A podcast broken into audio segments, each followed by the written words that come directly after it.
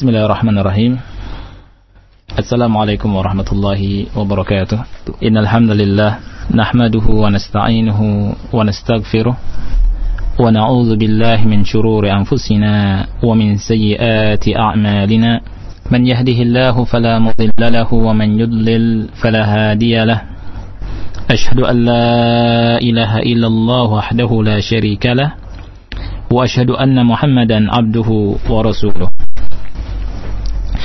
يا أيها الذين آمنوا اتقوا الله حق تقاته ولا تموتن إلا وأنتم مسلمون.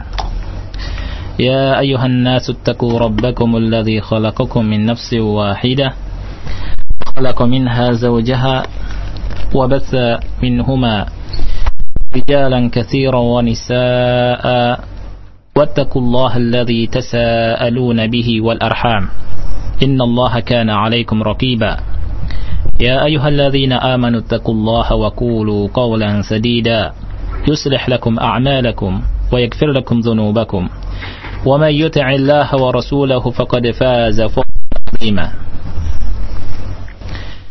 أما بعد فإن أصدق الحديث كتاب الله. وخير الهدي هدي محمد صلى الله عليه وعلى آله وسلم. وشر الأمور محدثاتها فإن كل محدثة بدعة وكل بدعة ضلالة وكل ضلالة في النار ثم أما بعد Ikhwati fillah para pendengar Radio Roja yang Allah muliakan Pertama-tama marilah kita bersyukur kepada Allah Subhanahu wa taala atas sekian banyak kenikmatan yang Allah berikan kepada kita yang tidak terhitung jumlahnya. Kemudian yang kedua, juga kita hendaknya berterima kasih kepada kru Roja yang telah memberikan waktu dan tenaganya untuk tersampaikannya risalah risalah Islam dan terselenggarakannya kajian-kajian ilmiah di radio yang kita cintai ini. Dan juga kita berdoa kepada Allah Subhanahu wa taala agar Allah memberikan pahala yang besar untuk mereka semua dan diberikan kekuatan untuk terus beramal di atas amal yang besar ini. Ikhwati fillah, para pendengar yang Allah muliakan, kita bersama kitab Manzumah Usul Usulil Fiqhi wa Qawaidihi yang dinazamkan sekaligus disyarahkan oleh Fadilatul Syekh Al-Allamah Al-Faqih Al-Usuli Al-Syekh Muhammad Ibn Salih Al-Uthaymin rahimahullahu taala kita memasuki pada hari ini bait yang ke-16 ya bait yang ke-16 di mana beliau rahimahullahu taala berkata wasyar'u la yalzamu qabla al-ilmi daliluhu fi'lul musi faftihimi saya ulangi. wasyar'u la yalzamu qabla al-ilmi daliluhu fi'lul musi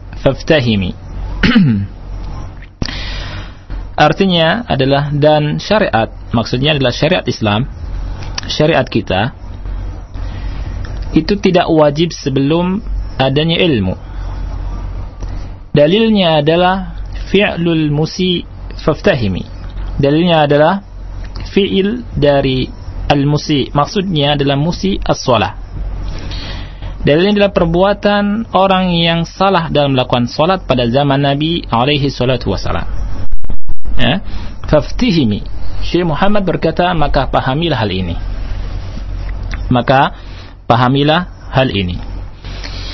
Ini adalah kaidah yang dikatakan oleh Syekh Muhammad Ibn Shalih Al-Utsaimin rahimahullah taala. Beliau berkata, "Hadhihi qaidatun muhimmatun jiddan."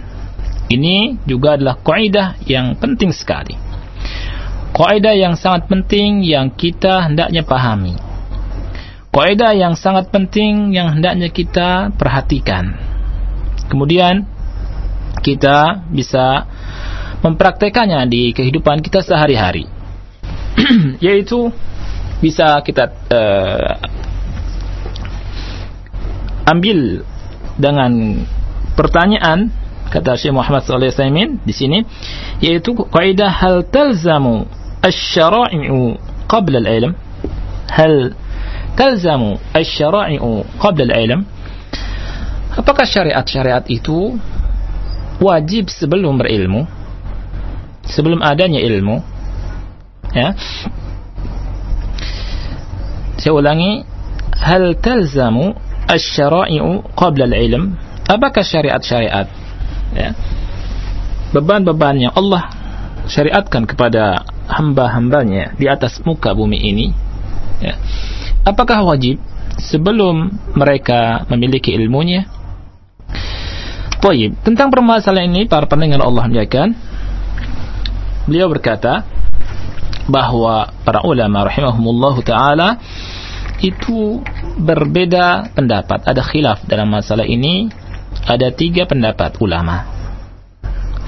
Beliau sebutkan yang pertama, di antara mereka ada yang berkata, "Faminhum man qala talzamu fil usuli wa la talzamu fil furu'."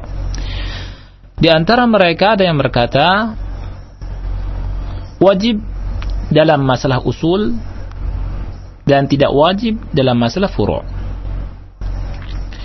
Di antara mereka pula ada yang berkata, "Bal talzamu fil jami'."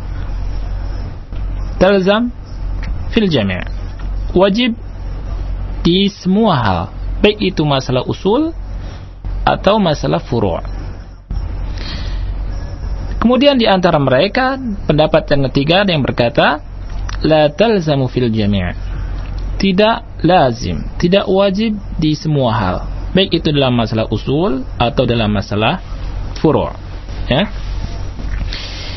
Tiga pendapat ulama tentang kaidah apakah syariat itu wajib sebelum manusia memiliki ilmu atau sebelum mukallaf memiliki ilmu tentangnya.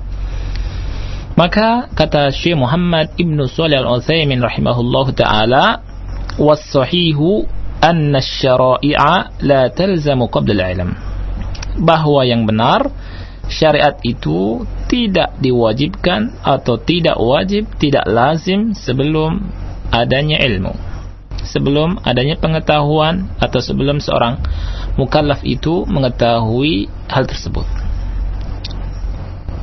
Beliau berkata, "Wa anna al-insana qabla al-ilmi ghairu mukallafin biha. Bahwa seseorang sebelum memiliki ilmu seseorang sebelum mengetahui maka dia tidak mukallaf tidak dibebani dengan syariat tersebut. Ini maksud dari bait yang ke-16 wasyar'u la yalzamu qabla al-ilmi daliluhu fi'lul musi' فَافْتَهِمِ adillatu hadhihi al-qa'idah dalil-dalil tentang kaidah ini beliau menyebutkan dalil dari kaidah yang penting ini dua dalil yaitu dalil secara umum dan dalil secara khusus kata beliau وقد دل على هذا أدلة عامة وخاصة Hal ini telah ditunjukkan dengan dalil-dalil yang umum dan dalil-dalil yang khusus. Dalil-dalil yang umum beliau sebutkan dari ayat Al-Qur'anul Karim, dari nusus Al-Qur'aniyah, an-nususu Al-Qur'aniyah, ada beliau sekitar sebutkan lima dari ayat Al-Qur'anul Karim. Di antaranya saya bacakan. Yang pertama tentang dalil bahwa syariat itu tidak wajib sebelum seorang hamba itu mengetahuinya adalah firman Allah Subhanahu wa taala dalam surat An-Nisa ayat 165. Allah Subhanahu wa taala berfirman, "Rusulan mubashshirina wa munzirina li'alla yakuna lin-nasi 'ala Allahi hujjatun ba'da ar-rusul." Rusulan Rasul-rasul itu kata Allah Subhanahu wa taala dalam ayat ke-165 surah An-Nisa. Allah katakan rusula. Rasul-rasul itu adalah mubashirina wa munzirin adalah pemberi kabar gembira dan pemberi peringatan. Lialla yakuna lin-nasi 'ala Allah hujjah agar tidak ada bantahan yang dimiliki oleh manusia terhadap Allah. Agar tidak ada hujjah bagi manusia terhadap Allah nantinya. Agar manusia tidak punya alasan di hadapan Allah Subhanahu wa taala ba'da rasul setelah para rasul itu diutus oleh Allah Subhanahu wa taala memberikan tabsyir dan inzar, memberikan kabar gembira kepada manusia bahwa bagi mereka yang mentaati Allah Subhanahu wa taala, mengikuti syariat Allah Subhanahu wa taala dan tidak mengkufurinya, maka diberikan kabar gembira oleh para rasul itu berupa surga dan ampunan dari Allah Subhanahu wa taala. Adapun mereka yang mengingkari para rasul, mengingkari syariat Allah Subhanahu wa taala, maka bagi mereka ada inzar peringatan dari para rasul tersebut bahwa orang yang tidak mau mengikuti jalan Allah Subhanahu wa taala, tidak mau mengikuti para rasul yang Allah utus, maka mereka akan dimasukkan dalam api neraka. Dalil ini atau dalam ayat ini ada dalil bahwasanya kalau tidak ada rasul kalau seandainya Allah Subhanahu wa taala tidak mengutus para rasulnya kepada manusia, maka tentunya boleh bagi manusia untuk berhujjah. Tentunya boleh bagi manusia untuk memberikan alasan di depan Allah nanti. Ya. Boleh beralasan, ya. Mereka akan berkata, "Ya Rabbana, innana lam na'lam. Lam tursil ilaina rusula." Wahai Rabb kami, kami tidak mengetahui dan engkau tidak mengutus kepada kami para rasul. Oleh karena itu Allah Subhanahu wa taala berfirman dalam surat An-Nisa 165, "Rusulan mubasysyirin wa munzirin." Allah mengutus para rasul yang memberikan kabar gembira dan inzar dan memberi peringatan agar tidak ada hujjah, tidak ada alasan bagi manusia di hadapan Allah nanti setelah diutusnya para rasul. Ini adalah dalil yang pertama. Dalil yang kedua surat Al-Qasas ayat 59. Al-Qasas 59. Allah Subhanahu wa taala berfirman, "Wa ma kana rabbuka muhlikal qura hatta yab'atha fi ummiha rasula yatlu 'alaihim ayatina wa ma kunna muhlikil qura illa wa ahluha zalimun." Yang artinya وَمَا كَانَ رَبُّكَ مُهْلِكَ الْقُرَى Tidaklah Rabbmu menghancurkan negeri-negeri tersebut sehingga Allah Subhanahu wa taala sehingga Rabbmu mengutus pada di ibu kotanya seorang rasul yang rasul itu tugasnya kata Allah Subhanahu wa taala di antaranya adalah yatlu alaihim ayatina. Yang membacakan kepada mereka ayat-ayat kami. Wama kunna muhlikil qura dan tidaklah kami menghancurkan negeri-negeri tersebut illa wa ahluha zalimun. Melainkan kalau penduduknya adalah orang-orang yang zalim jelas sekali ayat ini sama dengan ayat sebelumnya. Maknanya bahwa Allah Subhanahu wa taala tidak menghancurkan negeri-negeri tersebut dengan azab melainkan setelah mengutus rasul kepada mereka sehingga mereka tidak memiliki hujah lagi tatkala mereka mengingkari rasul tersebut. Dalil yang ketiga juga sama, dalil yang keempat juga, dalil yang ketiga dalam surat Hud ayat 117 Allah Subhanahu wa taala berfirman, "Wa ma kana rabbuka liyuhlikal qura bidzulmin wa ahluha muslihun." Dan sekali-kali Rabbmu tidak akan menghancurkan negeri negeri-negeri dengan kezaliman. Ya. Yang mana penduduknya adalah orang-orang yang membuat islah, membuat kebaikan dan memperbaiki Dalil yang keempat dan kelima yaitu dalam surat Al-Isra ayat 15 juga dalam surat At-Taubah ayat 115 dan maknanya adalah sama ya yang menunjukkan bahwa syariat itu tidak wajib sebelum seseorang atau sebelum hambanya mengetahui hal tersebut. Kemudian kita masuk ke dalil-dalil yang khusus. Dalil-dalil yang khusus Syekh Muhammad Ibn Al-Thaymin rahimahullah ta'ala memberikan dalil dari sunnah Nabi atau dari asar ya, dari hadis Nabi yang mulia alaihi salatu wasalam tiga dalil. Ya tiga dalil yang beliau ambil dari pertama dari baitnya itu adalah daliluhu fi'lul musi faftihimi. Dalilnya adalah apa yang dilakukan oleh orang yang berbuat kesalahan dalam solatnya. Faftihimi maka fahamilah hal tersebut. Beliau berkata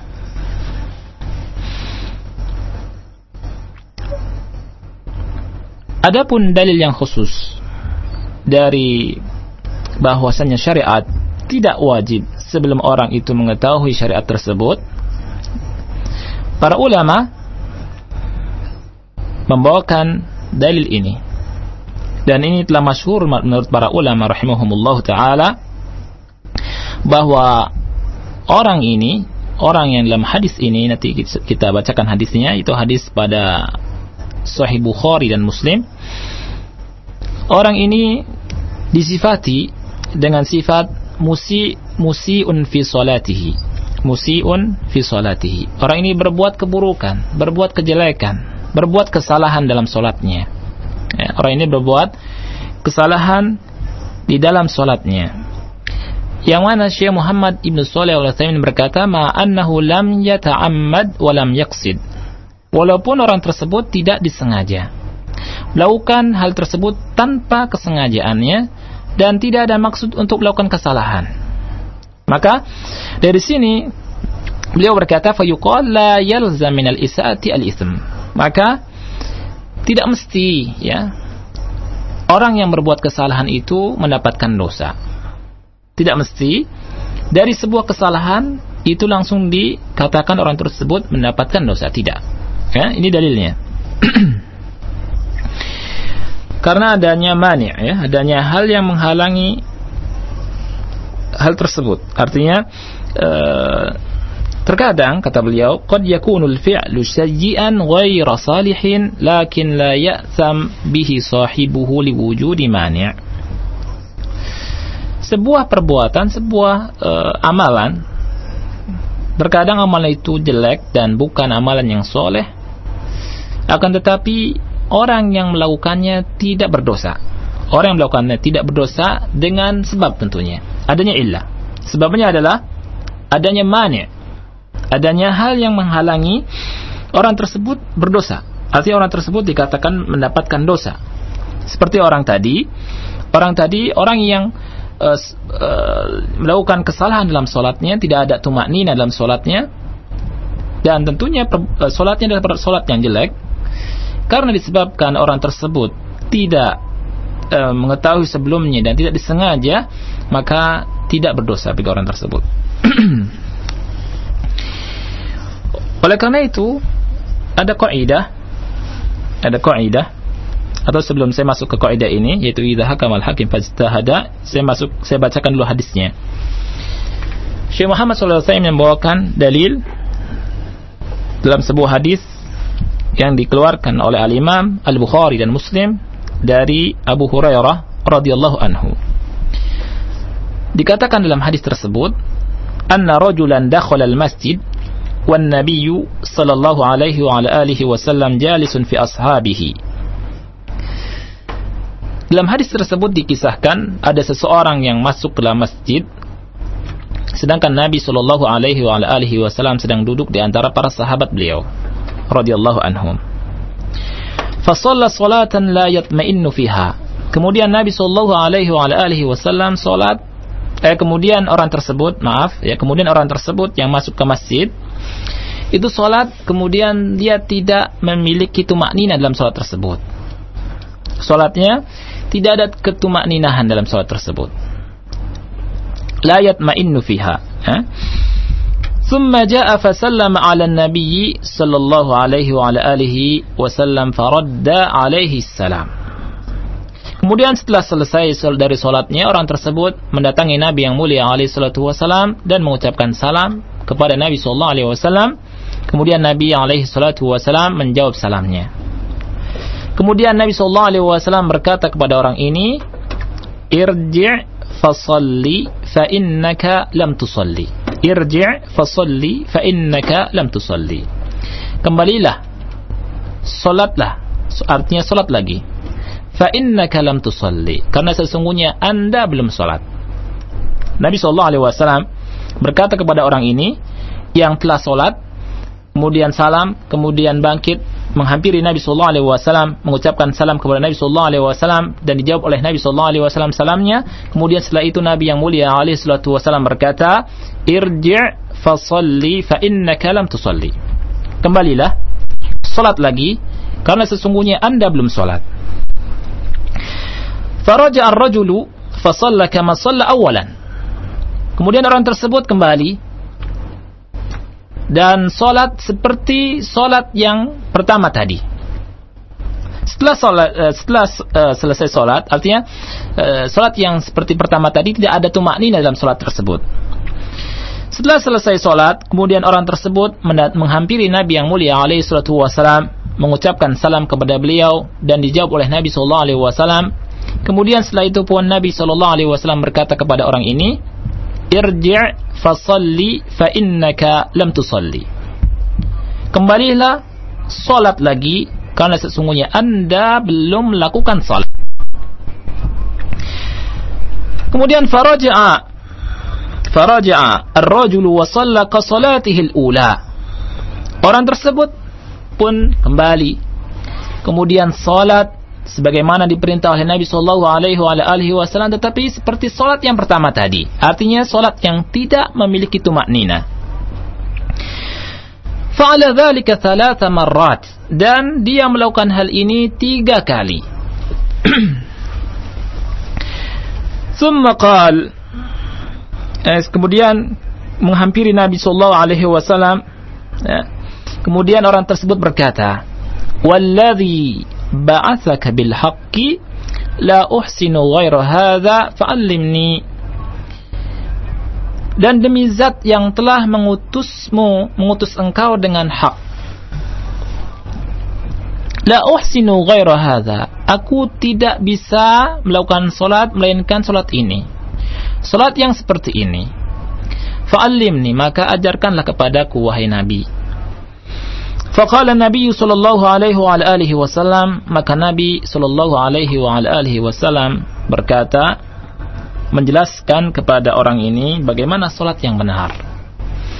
Nabi sallallahu alaihi wa alihi wasallam dengan lisannya yang mulia beliau berkata "Idza kumta ila salati fa asbigil wudu" Apabila Anda bangkit untuk melakukan salat berdiri untuk melakukan salat maka sempurnakanlah wudu anda. Summa istaqbilil kiblata fakabbir. Kemudian setelah itu menghadap ke kiblat dan bertakbirlah. Summa qra' ma tayassara ma'aka minal Qur'an. Kemudian bacalah apa yang mudah yang kau miliki yang ada pada dirimu dari Al-Qur'an. Summa hatta tatma'inna raki'a. Kemudian setelah itu rukuklah sehingga engkau melakukan rukuk dengan tumak nina. Summa rfa' hatta tatma'inna qa'iman. Kemudian bangkitlah dari ruku sehingga engkau i'tidal artinya berdiri di sini artinya i'tidal dalam keadaan bertumak nina. Dalam keadaan i'tidal yang tenang. Berdiri yang tenang Summasjud hatta tatma'inna sajida. Kemudian setelah itu sujudlah. Sehingga engkau sujud dengan tenang, dengan tumak nina. Summa hatta tatma'inna jalisa. Kemudian bangkitlah sehingga dudukmu pun dengan tenang. Duduk di antara dua sujud dengan tenang. Summasjud hatta tatma'inna sajida. Kemudian sujud kembali sehingga engkau tenang dalam sujudmu. Dan Nabi alaihi salatu wasallam beliau berkata, "Summaf'al dzalika fi salatika kulliha." Kemudian lakukan hal tersebut di dalam seluruh salatmu. Nabi sallallahu alaihi wasallam para pendengar yang Allah muliakan dalam hadis ini menekankan kalimat tatma'inna agar sampai tenang.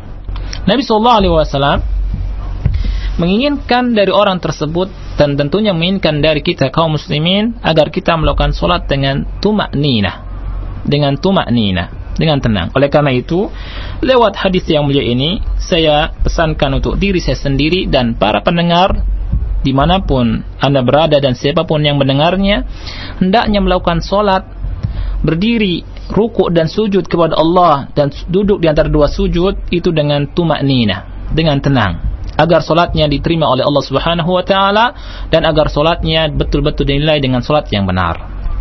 Agar tidak disebut musi solat, musi salah, orang yang melakukan kesalahan dalam solat.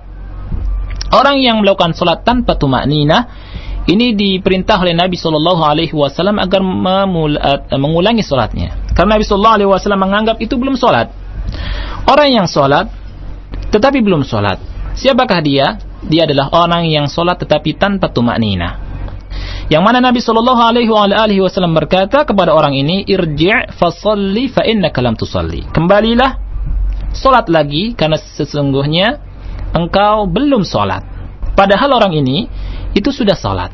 Tetapi Nabi Shallallahu Alaihi Wasallam berkata, fa inna kalam tusalli. Oleh karena itu, apalagi nanti di bulan bulan Ramadan, bagi kita yang solat taraweh, maka hendaknya solatnya dengan khusyuk, solatnya dengan tumak ninah, jangan terburu-buru, sehingga seakan-akan kita belum melakukan solat sebagaimana dikatakan oleh Nabi Sallallahu Alaihi Wasallam, fa inna kalam tusalli.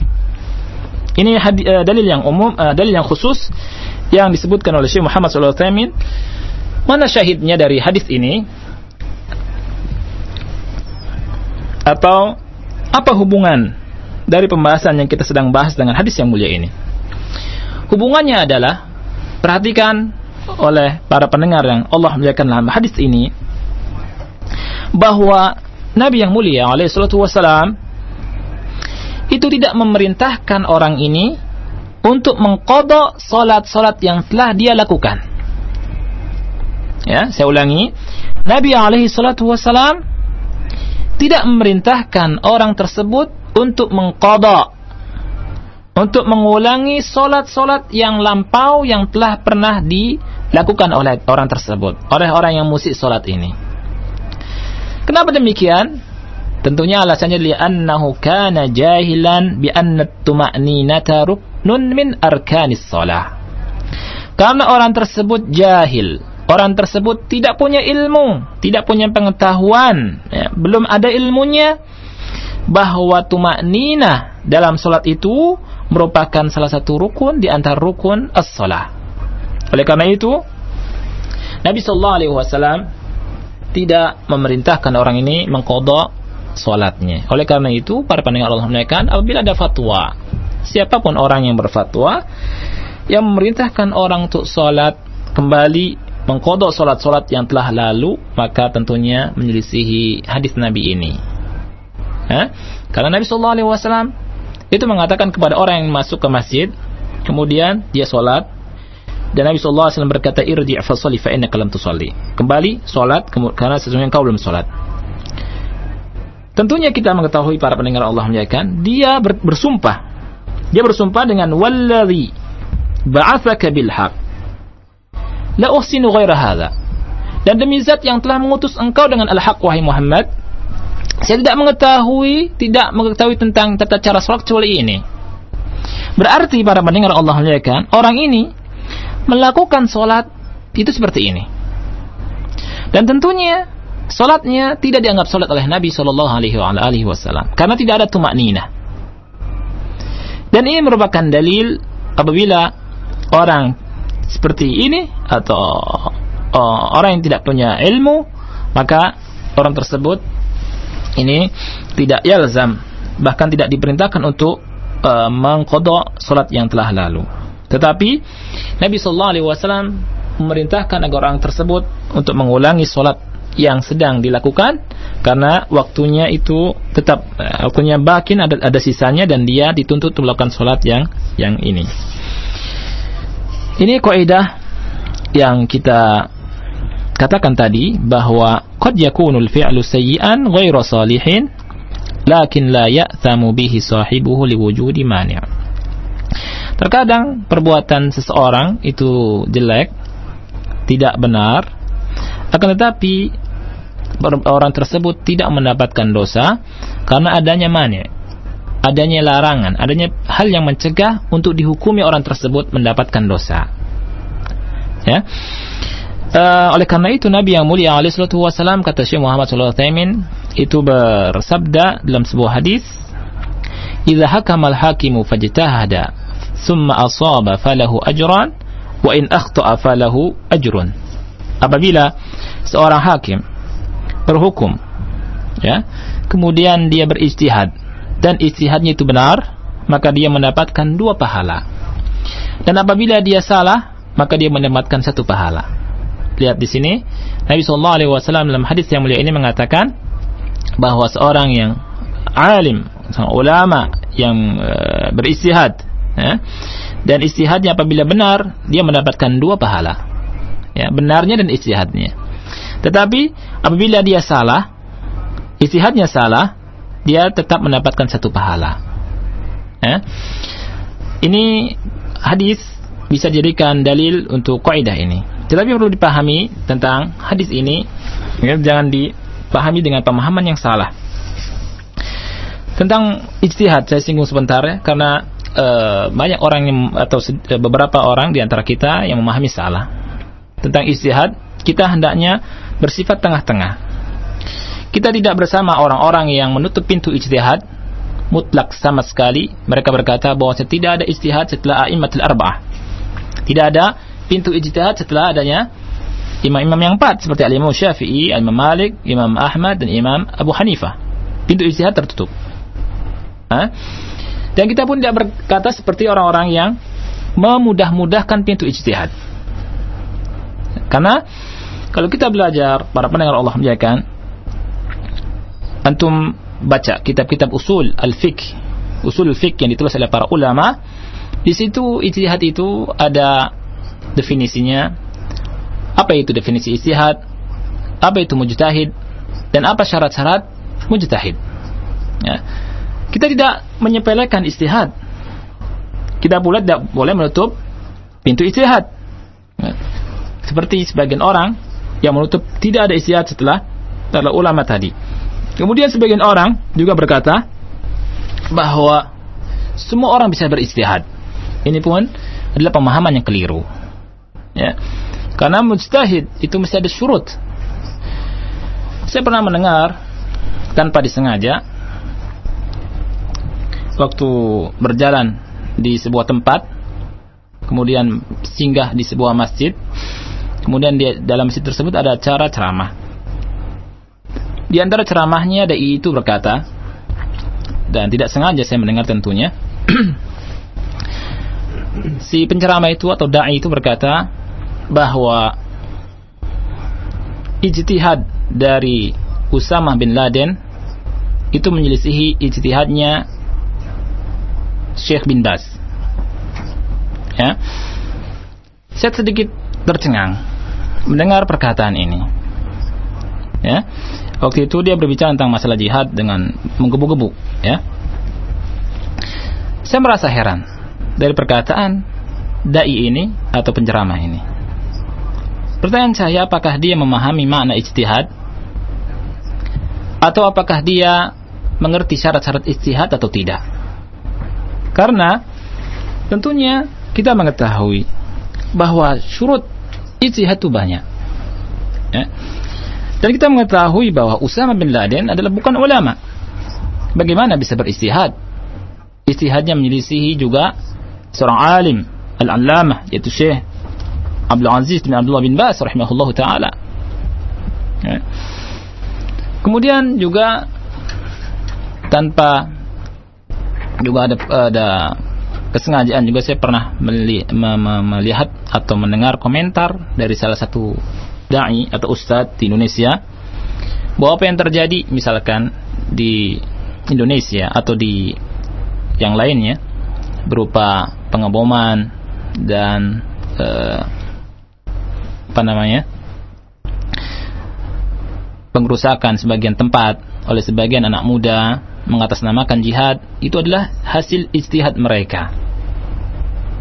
Jadi katakan hasil istihad mereka.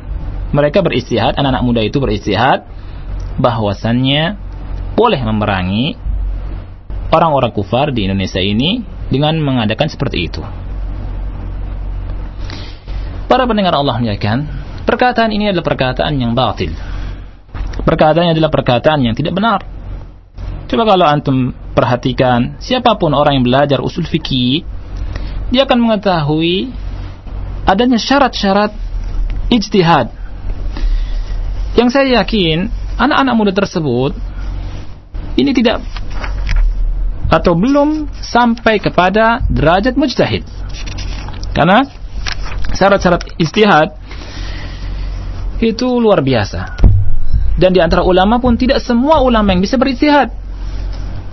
Ya. Di antaranya adalah syaratnya adalah dia mesti mengetahui ya, bahasa Arab untuk memahami Alkitab was Sunnah. Di antaranya dia mesti mengetahui pengetahuan tentang tafsir dan usul tafsir. Dia mesti mengetahui juga tentang maqasid syariah dan tentang al-qawaidul fiqh atau qawaidul fiqhiyah, al-qawaidul fiqhiyah. Kemudian dia, dia mesti mengetahui tentang uh, an-nasikh wal mansukh, al-am wal al-am wal khas, al-mutlaq dan muqayyad dan seterusnya. Eh?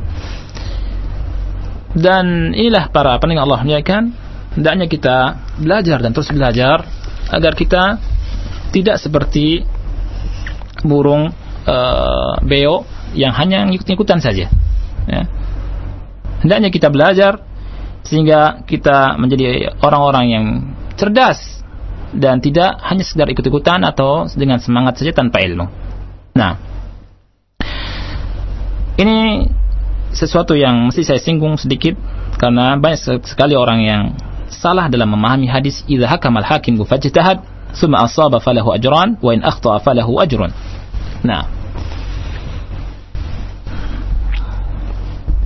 Dalil yang kedua dalil yang kedua adalah dalil Ammar bin Yasir dan Umar bin Khattab radhiyallahu anhum tatkala Nabi sallallahu alaihi wasallam mengutus mereka berdua dalam sebuah hajat kebutuhan kemudian dalam hadis tersebut hadis hadis Bukhari ya hadis Bukhari Muslim Amar bin Yasir itu junub ya junub dan waktu itu tidak ada air.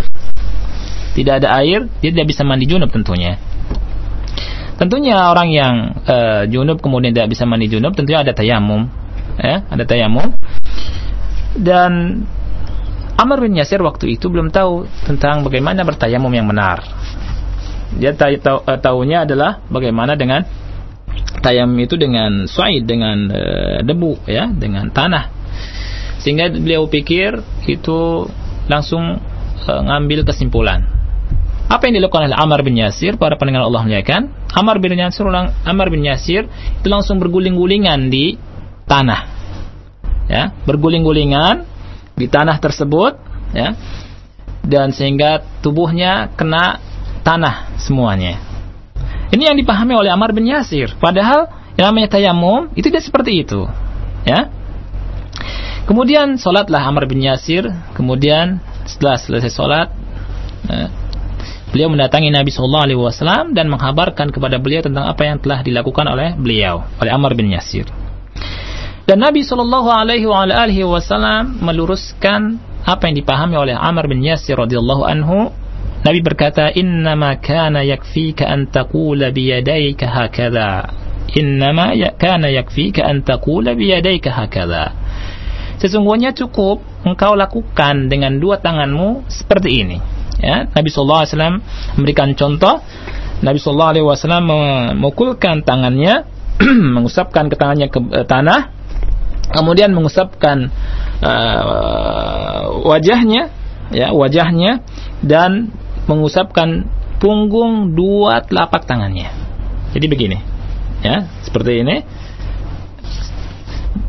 Dicontohkan oleh Nabi sallallahu alaihi wasallam. Innama yakfika an taqula bi yadayka hakala pertama ditumpuk uh, dipukulkan ke tanah diusapkan ke mukanya kemudian mengusapkan dua punggung dari dua telapak tangannya. Dan e, tayamum tidak sampai ke siku ya. Karena sebagian orang bertayamum sampai ke siku ya.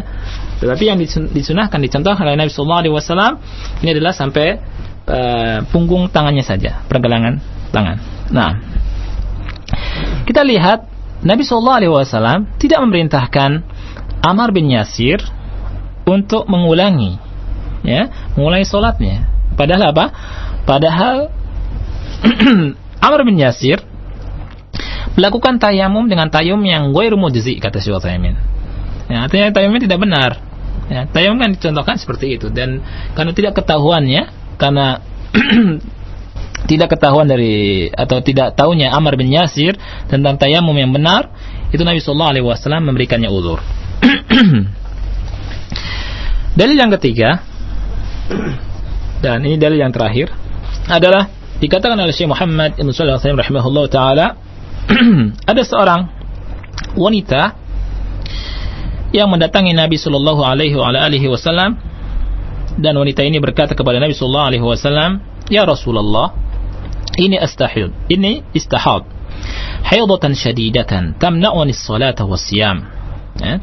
Wa kanat la tusalli wa hiya mustahadah. Fabayyana laha an-nabiy sallallahu alaihi wasallam أن الواجب عليها أن تجلس أيام عادتها فقط ثم تصلي ولم يأمرها بقضاء الصلاة لأنها كانت جاهلة Ada seorang wanita pada zaman Nabi Shallallahu Alaihi Wasallam.